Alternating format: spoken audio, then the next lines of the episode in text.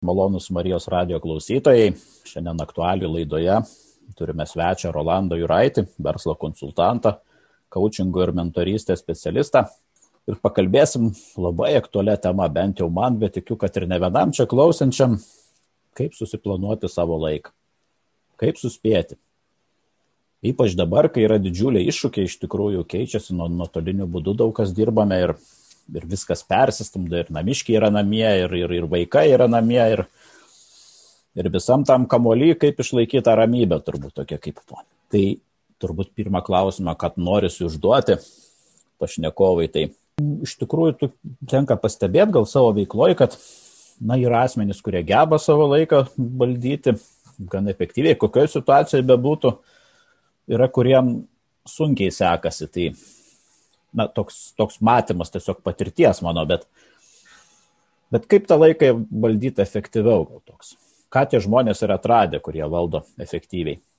Na, aš gal šitą vietą iš karto pradėsiu nuo, nuo tokio galbūt prasmės įvardinimo, ką kiekvieni tie žodžiai, kokią prasme neša. Ir kai mes vat, kalbame apie tai, kad tokia vat, savoka laiko valdymas, tai iš karto tada kyla a, tarsi toks vaizdinys, kad tarsi mes turime kažkokią tai galimybę laiką valdyti. Ir o čia aš manau, kad yra vienas iš tam tikrų tokių vat, mitų, e, dėl kurių mes kartais ir patirime didžiulį stresą, nes realiai laiko mes niekaip negalim valdyti, nes realiai laikas yra tam tikra duotybė, kurioje mes esame ir mes galime arba kažkaip tai bandyti į jį įsisprausti ir jį su, jame susiplanuoti savo veiklas tokias e, ir nešančias tokius rezultatus, kurie bus tenkina, arba tai yra laikas, kuris tiesiog praeina, kartais galim taip sakyti, veltui ir mes dėl to patiriam tam tikrą stresą. Tai e, kai e, kalbame apie laiko valdymą, aš dažniausiai netgi ir savo klausytojam, su kuriais dirbu seminarų metu, sakau, kad laiko valdymo problemos nėra. Egzistuoja ne laiko valdymo problema, bet prioritetų susidėliojimo problema. Nes praktiškai, jeigu mes esam labai gerai susidėlioję prioritetus, jis susidėlioja ne dėl to, kad juos mums kažkas tai nuleido, bet e, mes esam juos gerai išjautę, pasvėrę, pragalvoję e, visų savo gyvenimo e, sričių balansą ir kiekvienoje iš tų gyvenimo sričių mes turime tam tikrus savo kaip ir prioritetus ir, ir tikslus, tada e, didelės problemos su savo veiklų susiplanavimu dienos ritme, ar savaitės ritme, ar mėnesio ritme, man tokios problemos kaip ir nėra. Aišku, pokyčiai, pandemijos arba kažkokie tai kitokie išoriniai dalykai, jie išmuša mus iš vėžių bet bet kokiais atvejais e, tada galima ir į tą įsvėžę sugrįžti priklausomai nuo to, ar pasikeitė prioritetai ar nepasikeitė. Taip pat aš čia toj vietoje galėčiau dar kartą paminėti, kad ne laiko valdymo problema, o prioritetų nusistatymo, ko gero, problema egzistuoja. Ir kaip pats minėjai apie žmonės, kurie geriau arba blogiau valdo laiką, nežiūrint dar į kitus papildomus kriterijus, tai vat vienas iš, iš jų yra tikrai, kad tas, kad vieni sugeba nusistatyti savo gyvenimo prioritetus, gyvenimo tikslus ir, ir pamatuotai realistiškai tą dalyką daryti, e, kiti dėja, bet arba to nedaro iš viso, arba daro, nu, atitrūtę, sakysim, nuo žemės, galbūt per daug perfekcionistiškai, neįvertindami savo gebėjimų arba neįvertindami, kiek koksai darbas gali užimti laiko toje paroje ar savaitės bėdį tuos prioritetus susidėliot, gal kažkokį galėtum patarti, pagal ką, kokiais principais? Nu, čia iš kurio galo pradėsim. Nes, kaip sakant, visada planavimas gali būti nuo vadinamo to išeities taško, kuriame esi ir nuo to taško, į kurį nori pakliūti. Tai aš visada sakau, kad jeigu tai mes kalbam apskritai apie planavimą arba apie tokį va, tikslų nusistatymą, tai yra tokia labai gera e, knygutė, aš ją labai dažnai cituoju, Alisa stebuklų šalyje. Ir jeigu kas nors ją skaitęs yra savo vaikystė, o ją šiaip pravartu paskaityti, netgi galbūt jau būnant brandaus amžiaus, netgi labiau negu kad vaikystė, tai ten yra toksai vaizdinys nupasakota žodžiais, kada Alisa prieina prie medžio ir ant to medžio šakos kabo toksai tingus, tingus katinas, kuris užduoda visai klausimą, sako, na tai kurgi tu eini brandžioji? O jinai sako, hm, kad net ir nežinau. Į ką Katinas taip pamastęs, taip mislingai filosofiškai atsako, na, jeigu tu nežinai, kur nori nueiti, tai bet koks kelias ten tave nuves. Tai jau taip galima būtų trumpai atsakyti į tą klausimą, kad, pavyzdžiui, jeigu žmogus nesistato jokių tikslų, tai be jokios abejonės jisai nepatiria to streso, kurį patiria žmonės, kurie stato tikslus, bet jų nepasiekia. Bet iš kitos pusės, jo tada įėjimas yra, na, šiek tiek ne visiškai toks e, prasmingas. Klausimas, ar jisai pats tada yra nusistatęs kažkokius tai tikslus ir, ir, ir norus kažką tai gyvenime pasiekti, daugiau negu kad tiesiog būti vegetuoti toje būsenoje, kurioje jisai yra vat, būtent tuo momentu. Grįžtant prie to klausimo apie E, prioritetų nusistatymą, tai viskas prasideda pačioje pradžioje, kaip mes įvardiname, kokie mūsų yra ilgalaikiai tikslai, arba galima netgi pradėti nuo dar tolimesnio dalyko, nuo ilgalaikės vizijos, kaip aš įsivaizduoju, ką aš per gyvenimą norėčiau e, pasiekti, nuveikti, kuo norėčiau tapti.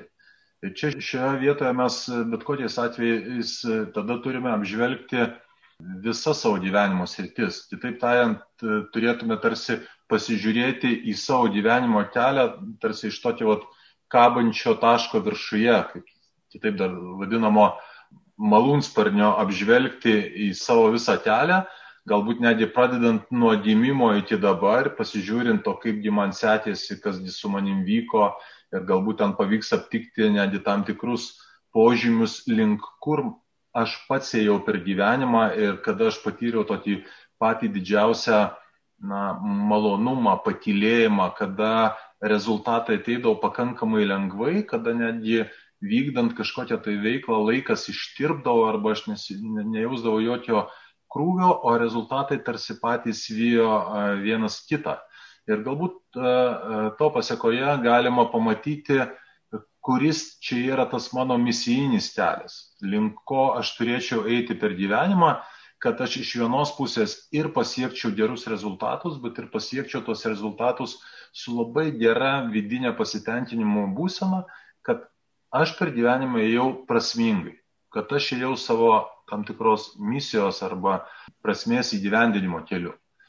Tai vat kaip pavyksta žmogui užčiuopti e, tam tikrą savo misiją arba gyvenimo e, prasme, tada visi kiti dalykai labai lengvai susidėlioja. Tada jis labai lengvai pamato ir e, kokią veiklą jisai norėtų užsimti ir kokia galų gale būtų jo pašalinė veikla, hobiai, galbūt, sakysim, visuomenės statusas, laisvalakio užsiemimas. Visos kitos veiklos tarsi tampa tada kaip papildiniai vedantis link tos pagrindinės veiklos, kurioje žmogus na, įgyvendina tą savo misiją ar pašaukimą. Ir tada pakankamai greitai gali pamatyti ir susidėlioti ir savo prioritetus, ir savo tokius kaip ir ilgesnio gyvenimo tikslus. Tai bent jau kiek mes esame darę pačių įvairiausių ir diskusijų, ir, ir kiek aš esu apžvelgęs įvairių tyrimų, to vadinamo prioritetų nustatymo, arba nu, paminėsim tą žodį vis dėlto laiko valdymo, sakysim, tais klausimais, tai pagrindinės rekomendacijos visada yra pradėti planuotis, apžvelgiant galutinį rezultatą, kurį aš noriu pasiekti. Pradėti planuotis nuo to, kad įsivertinti, ką aš noriu turėti, gauti arba kuo norėčiau tapti kelio pabaigoje arba to laikotarpio pabaigoje, kurį aš apsibrėžiu. Jeigu tai sakysim ten dešimtmetis, gerai, po dešimt metų, ko aš norėčiau tapti, būti, kokius e, norėčiau naujus galbūt įgūdžius įvaldyti arba kokią situaciją aplink save norėčiau susikurti.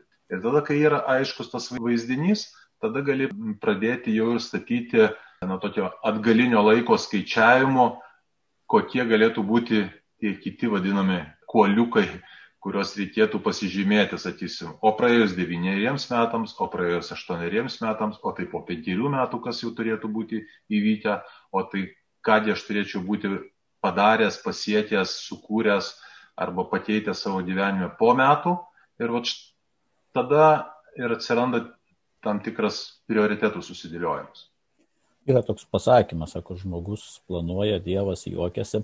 Mhm. Tai tiesiog gal irgi to kampu, kad, na, ne visada gal tiksliai žinai, ko tu, na, tai atrodo, kad tu po dešimt metų nori tą pasiekti, bet einant gyvenimu, ypač tikėjimo keliu, labai dažnai tie, tie matymai keičiasi.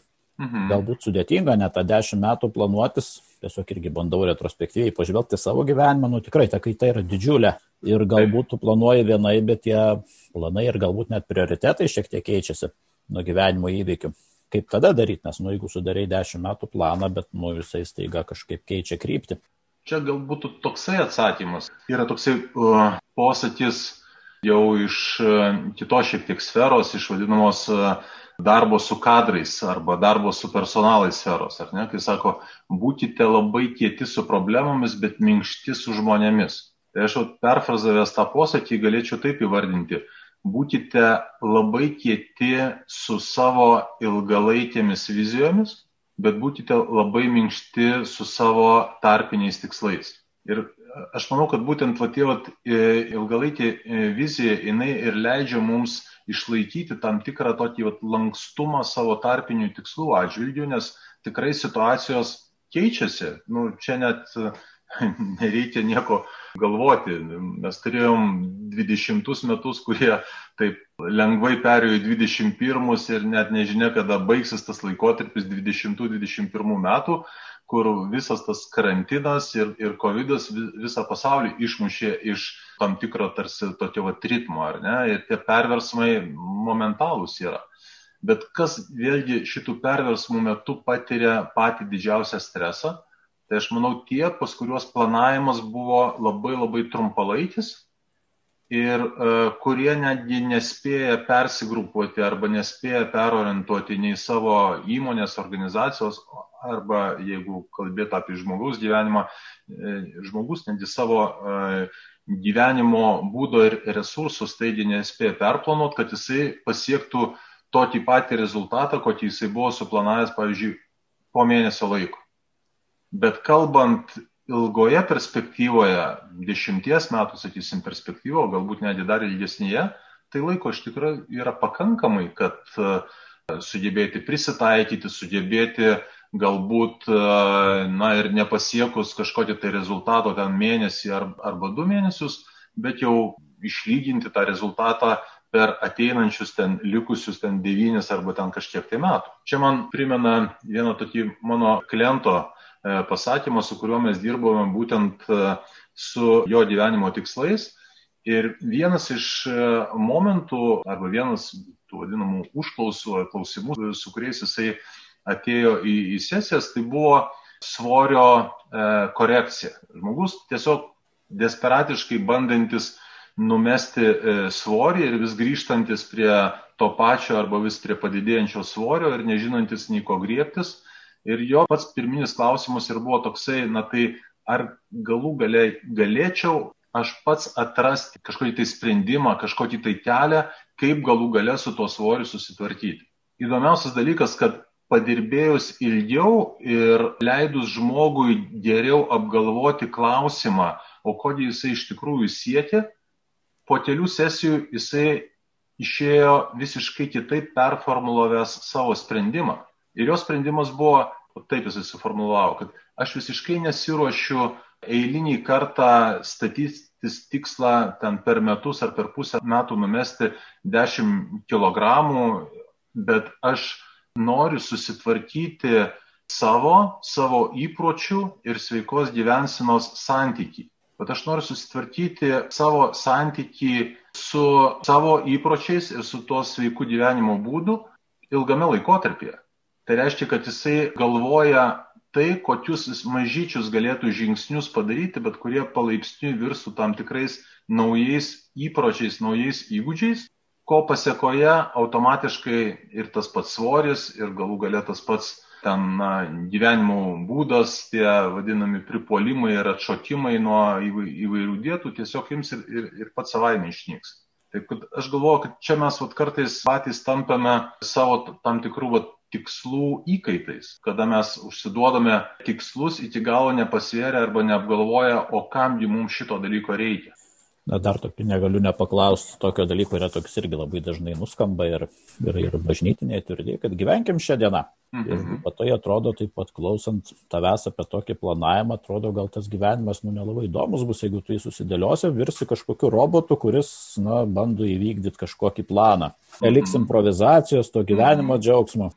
Na, įdomu, iš kur čia šitos mintis, mintis paimtos tada, nes, na, jeigu tam, pavyzdžiui, panagrinėti netgi tų žmonių, kurie ėjo į kunigystę, ėjo pasišventė save tapti vienuoliais, ar ne, į, į tavo gyvenimą, ar ne, tai kažkada teko šiek tiek skaityti apie šventą Benediktą, kuris įkūrė ir Benediktinų vienuolyną Tai jisai buvo vienas iš, neprisimenu, ar jisai buvo tik tai pats pirmasis, ar, ar, ar vienas iš pirmųjų, kuris ir aprašė vadinamą regulą. E, tai regula tai būtent yra visas e, gyvenimo būdas kiekvieną dieną, kuriam turėtų save pašvesti tas žmogus, kuris ruošiasi būti tikrų vienuolių. Ir toje reguloje yra labai, labai konkrečiai numatytas, jeigu teisingai prisimenu, septynis kartus per parą laikas maldai. Tam tikras laikas, kada tu turi užsimti savo kūno, turi užsimti galų gale ir ten valgymu. Yra labai konkretus laikas, kada turi užsimti dvasiniu tobulėjimu, malda, skaitiniais. Ir yra tam tikras laikas, e, kurį tu e, pašventi darbą. Be jokios abejonės yra ir laikas miegui, jeigu neklystu, ten ar septynios valandos kažkiek. Ir va, tokiu, tokiu būdu vienuolis gyvena visą savo gyvenimą. Tokiu būdu jisai juda per gyvenimą ritmingai, septynis kartus per parą sustodamas, melzdamasis, tam tikrų laikotarpių rūpindamasis savimi ir savo dvasiniu tobulėjimu, tam tikrų laikotarpių dirbdamas labai konkrečius darbus. Tai aš manau, kad vat, šitas toksai vat, reguliarus ėjimas, jisai ko gero ir užtikrina e, vienuoliams, tikriesiems vienuoliams galimybę išlaikyti tam tikrą tokią dvasinę ramybę arba ramybės būseną. Kiek man pačiam teko kalbėtis, būti, nes laikas nuo laiko aš e, nuvažiuoju būtent į Palendrių vienuolyną, kalbuosi ten ir su broliais, su kuriais yra galimybė pasišnekėti apie jų gyvenimą. Dažniausiai, aišku, sprendžiu pats savo klausimus, dėl kurių atvažiavau ir dėl kurių norėjau pasikalbėti. Ir tikrai nepasakysiu, kad tai yra kažkokie tai, na, nušokę, nuplaukę žmonės gyvenantis vien tik tai kažkokiamis tai dvasinėmis temomis, kurių nekamuoja jokie žemiški klausimai, pakabinti ore angelai, ar ne? Visiškai normalūs, paprasti žmonės, bet va ta va einanti ramybė iš jų, tas neskubotumas, jisai yra tarsi šiek tiek užkrečiamas, o tarsi norisi prie jų pabūti tam, kad ir pasisemti ir atgauti tam tikrą dvasinę ramybę. Tai aš manau, kad tada, kai mes šiek tiek į savo gyvenimą įvedame tam tikrą režimą, tam tikrą rutiną, tai tuo pačiu mes ir išlaisvinam tam tikrą kūrybiškumą arba galų gale pas mus pasidaro aišku, kada yra laikas, taip sakant, e, miegoti, kada laikas dirbti. Na ir kaip Senajame testamente yra parašyta, ten, jeigu aš teisingai prisimenu, liktai Senojo testamento mokytojų knygoje, kad yra laikas kovoti, yra laikas e, gyventi taikoje, yra laikas mirti, yra laikas gimti, yra laikas dirbti, yra laikas mylėti ir taip toliau ir taip toliau. Kaip danguje, taip ir ant žemės, ar ne? Kaip pas vienuolius, taip ir pas mus pasauliečius mes negalime niekaip to laiko suvaldyti, tų 24 valandų kažkaip tai paimti ir perstatyti kitaip. Bet kokie tokie perstatymai baigėsi tik tai dar didesniu stresu, kuris galų gale mus ir veda prie tam tikrų galbūt lygų išsėtimo arba kitokių tam tikrų pakrikimų, sakysim, tiek veikloje, tiek psichologinėje būsenoje. Kaip žiūri, va, technologijas, daug kas galvoja, va, atsirado dabar ir telefonai mobilus, ir kompiuteriai, yra ten planavimas, tas planelis naudojasi, yra visokie priminimai, netgi kiek tu turi nueiti, sakykime, galiu užsidėti 10 tūkstančių žingsnių. Ar tai gali išspręsti problemas, padeda spręsti, ar tai vis dėlto kažkaip mano bent įpročių vos nelaiko vagis ir turbūt jas pagilina, bet nu, čia asmeniškai priklauso. Na, aš galvoju, kad problemas gali įspręsti, nu, niekada neįsprendžia įrenginiai, įsprendžia tik taip pat žmogus ir kaip jisai naudojasi tais įrenginiais. Kaip čia galim būtų taip įvardinti. Na, na, peilis tai kas tai yra? Ar tai yra, taip sakant, naudingas įrankis, ar tai yra, yra ginklas? Klausimas čia nuo rankos. Chirurgo rankos jis išgelbės gyvybę, galbūt, sakysim, ten žmogžudžio rankos jis atims gyvybę. Tai aš manau, kad išmanėjai e, įrenginiai lygiai tokie patys yra e, peiliai. Jie gali mums labai gerai padėti, pats paminėjai, tam tikros galbūt programėlės gali mums padėti laiku sustoti, laiku padaryti pertraukėlę, laiku atkreipti dėmesį į savo būseną ar į tos pačius tam e, nueitus 10 tūkstančių žingsnių. Kita vertus, jie gali pasidaryti tikrai laiko vagys, kada mes panirę į naršymą arba į socialinius tinklus tiesiog prarandame ne minutės, o tiesiog at valandas. Tai vėlgi, kiek žmogus yra pasiryžęs tapti valdytoju tų išmaniųjų, išmaniųjų prietaisų. Nes vėlgi, juose juk nėra taip sudėtinga paimti ir pasidaryti tam tikrus nustatymus nustatymus, kada aš, pavyzdžiui, na, išjungiu mobilų telefoną arba pervedu jį į lėktuvo režimą, kad niekas manęs negalėtų pasiekti, nes tuo momentu pas mane yra pasiruošimas galbūt eiliniam seminaram ir, ir viskas. Arba a, nustatymas tam tikrose socialinių tinklų programėlėse, kuriuose, kad jos man, mane, taip sakant, mestų signalą, vos tik tai kažkas tai iš mano draugų kažką pakomentavo ar įdėjo kažkokį tai ten nuotrauką apie kiekvieną įvykį, ar kad tie priminimai ateitų man, sakysim, na, dienos pabaigoje, arba ateitų po tam tikro laiko, o galbūt niekada neteitų. Tai čia, kiek aš esu pasiryžęs valdyti išmaniuosius prietaisus, posėdis yra toks, jeigu nevaldai tu, tai valdo tave. Tikrai tenka sutikti šitoje vietoje. Tai turbūt irgi iš ko iš, iš viso pokalbio supratau, kad vis dėlto planuojantis verta susirašyti labai kruopšiai visus darbus ir net turbūt laikę susidėlioti, kada kur ką darai. E, dėl rašymo, tai kokį aš turiu na, tokį patyrimą, matydamas, ką žmonės daro ir kam jie m, skiria tam tikrus prioritetus ir, ir galų galia kas veikia ir kas neveikia. Tai, e, na, visų pirma, galima būtų atskirti, kad tikrai kai kurie žmonės mėgsta rašyti ir mėgsta rašyti netgi tuo senuoju standartiniu variantu į savo kalendorius, ar ne? Kai kas rašymą apskritai laiko, kad na, tai yra visų pirma atgyveno, o kitas dar dalykas ir nenori, ir nemoku, ir net nesiuošiu mokytis. Ne? Tai e, vat atskirkime pradžiai tuos, kurie rašo ir, ir, ir, ir nerašo. Ne? Tai aš manau, kad e, rašymas tai visų pirma jisai padeda žmogui pačiam geriau apgalvoti. Netgi toksai mm, buvo labai labai senas, ar Petro I Rusijos imperatoriaus posakis, rusiška kalba, e, kalbant, tai bumaga neliubi duraka. Tai, tai, taip, kitaip, kitaip tariant, kad popierius nemėgsta kvailių. nemėgsta kvailių, ar ne? Ir tuo posakiu jisai norėjo pasakyti, kad e, parašius žodžius ar parašius kažkokį tai sakinį, labai gerai pasimato galų gale pati sakinio struktūra automatiškai parodo, ar e, sakinys yra toks, kuris išreiškia suformuoluotą mintį, ar ten kažko tai trūksta. Ar tai yra tiesiog pabirų žodžių kratinys, ar tai yra iki galo suformuoluota mintis, ypatingai jeigu tai ne vienas sakinys. Ne? Tas pliusas tiems, kurie rašo, aš manau, yra tai, kad jie turi visų pirma galimybę patys labai aiškiai išdėstyti savo mintis. Nes tai, ką mes galvojame, kai tai pavirsta žodžiais, kai mes galų gale netgi tai, ką galvojame, išsakome garsiai, jau mūsų vaizdiniai šiek tiek keičiasi galvoje ir mūsų įsivaizdavimas. Kai tą dalyką mes išliejame ant popieriaus ir užrašome, dar geriau pradedame įsivaizduoti ir savo E, vizijas ir savo tikslus, atsiranda daugiau konkretumo, atsiranda daugiau pamatuojamumo, atsiranda daugiau struktūruotiškumo, tam tikra struktūra atsiranda, kada mes galime geriau pastebėti, tai ar aš čia susiplanavau per daug, o gal pamaž, per mažai, o ar tai realu tiek įgyvendinti, ar tai nerealu, ar, ar šitie mano tos svajonės yra konkrečios, pamatuojamos, laikė apibrieštos, ar jos yra na, tiesiog tam tikras kratinys, prie kurio dar reikėtų pasėdėti, pagalvoti.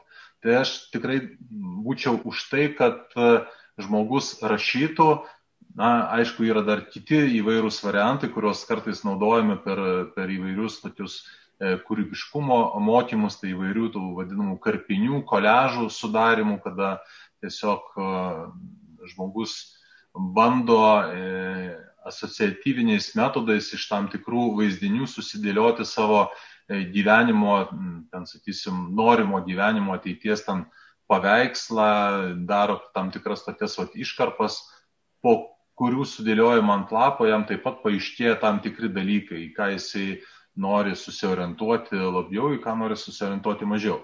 Tai vienareikšmiškai pliusas būtų užsirašyti.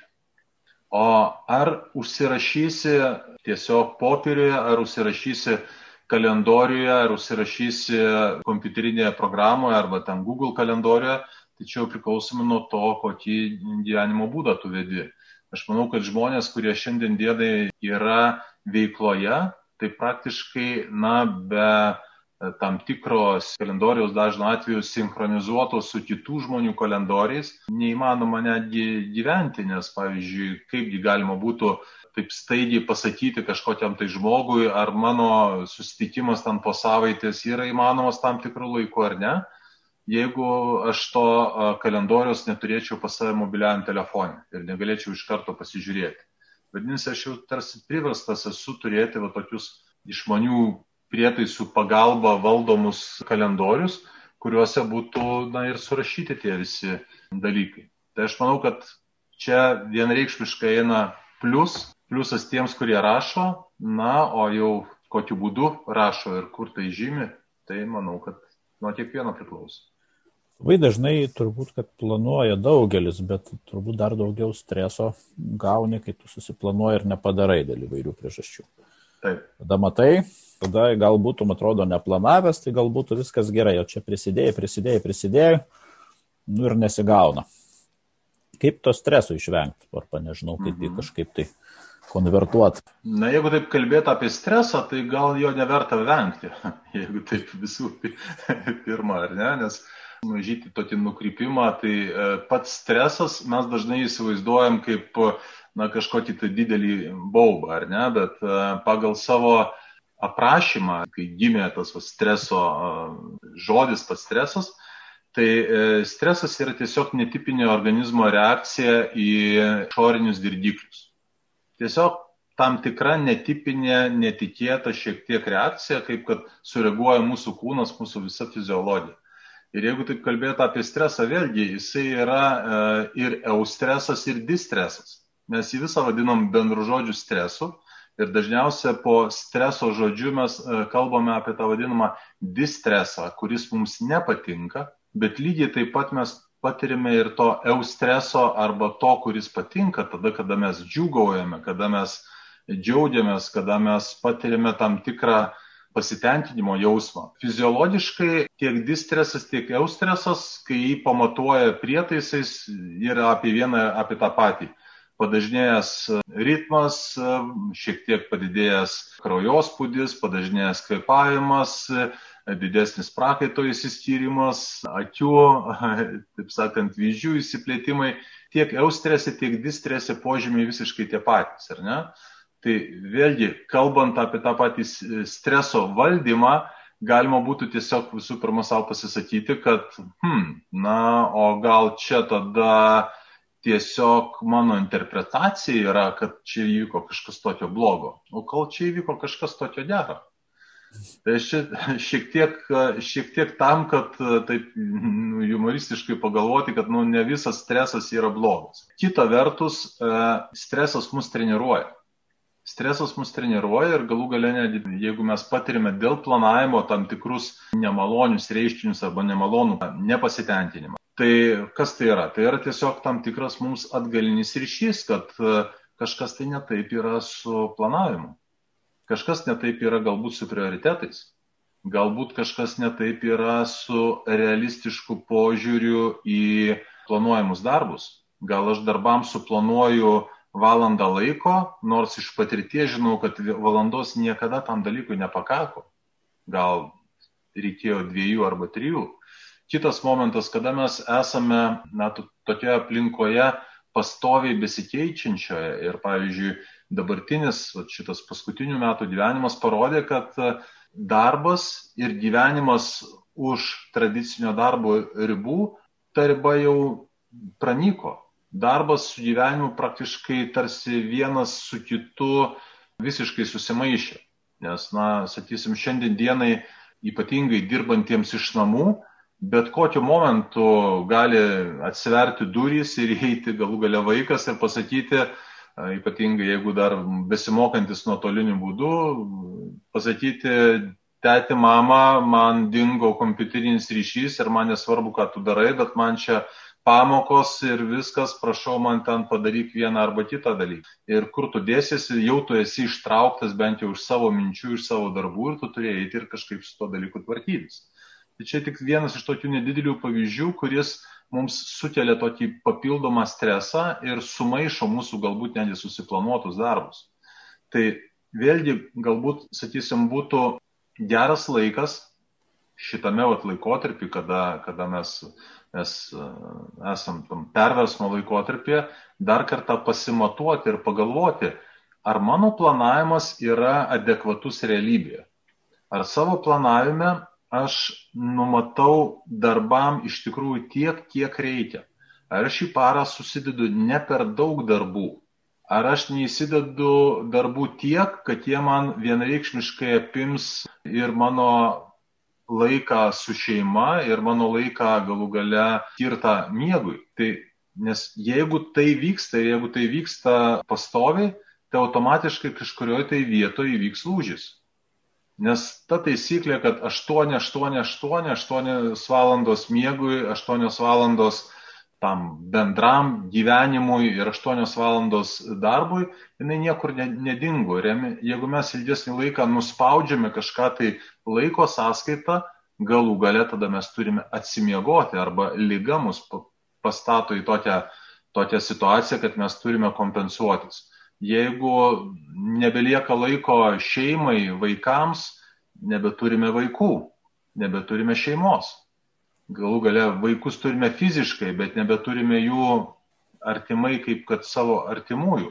Tai čia su visu kuo, ką be pažiūrėtum. Taip kad aš manau, kad planavimas šiuo atveju jisai gali kaip tik labiau gelbėti, jeigu mes sugebame planuoti adekvačiai Ir plus, jeigu mes netampame patys to plano įkaitais. Nes vat, viena iš tokių vat, rekomendacijų, kurias aš pats klausydamasis įvairių seminarų, žmonių, iš kurių aš, aš mokausi, girdžiu, tai vat, ta rekomendacija yra, kad susiplanuokite darbus pagal užimamą laiką, bet pasistengkite padaryti taip, kad jie nebūtų e, griežtai įdėti na, sakysim, nuo 9.15 iki 9.45, kad juos galima būtų pakankamai lengvai pastumdyti ir būtinai, būtinai pasilikite tam tikrą rezervą laiko nenumatytiems operatyviniams darbams arba staiga iškilusiems klausimams spręsti. Nes jų visada buvo, visada bus. Ir jeigu mes neturėsime tam tikro laiko, tam tikro suamortizuoto laiko,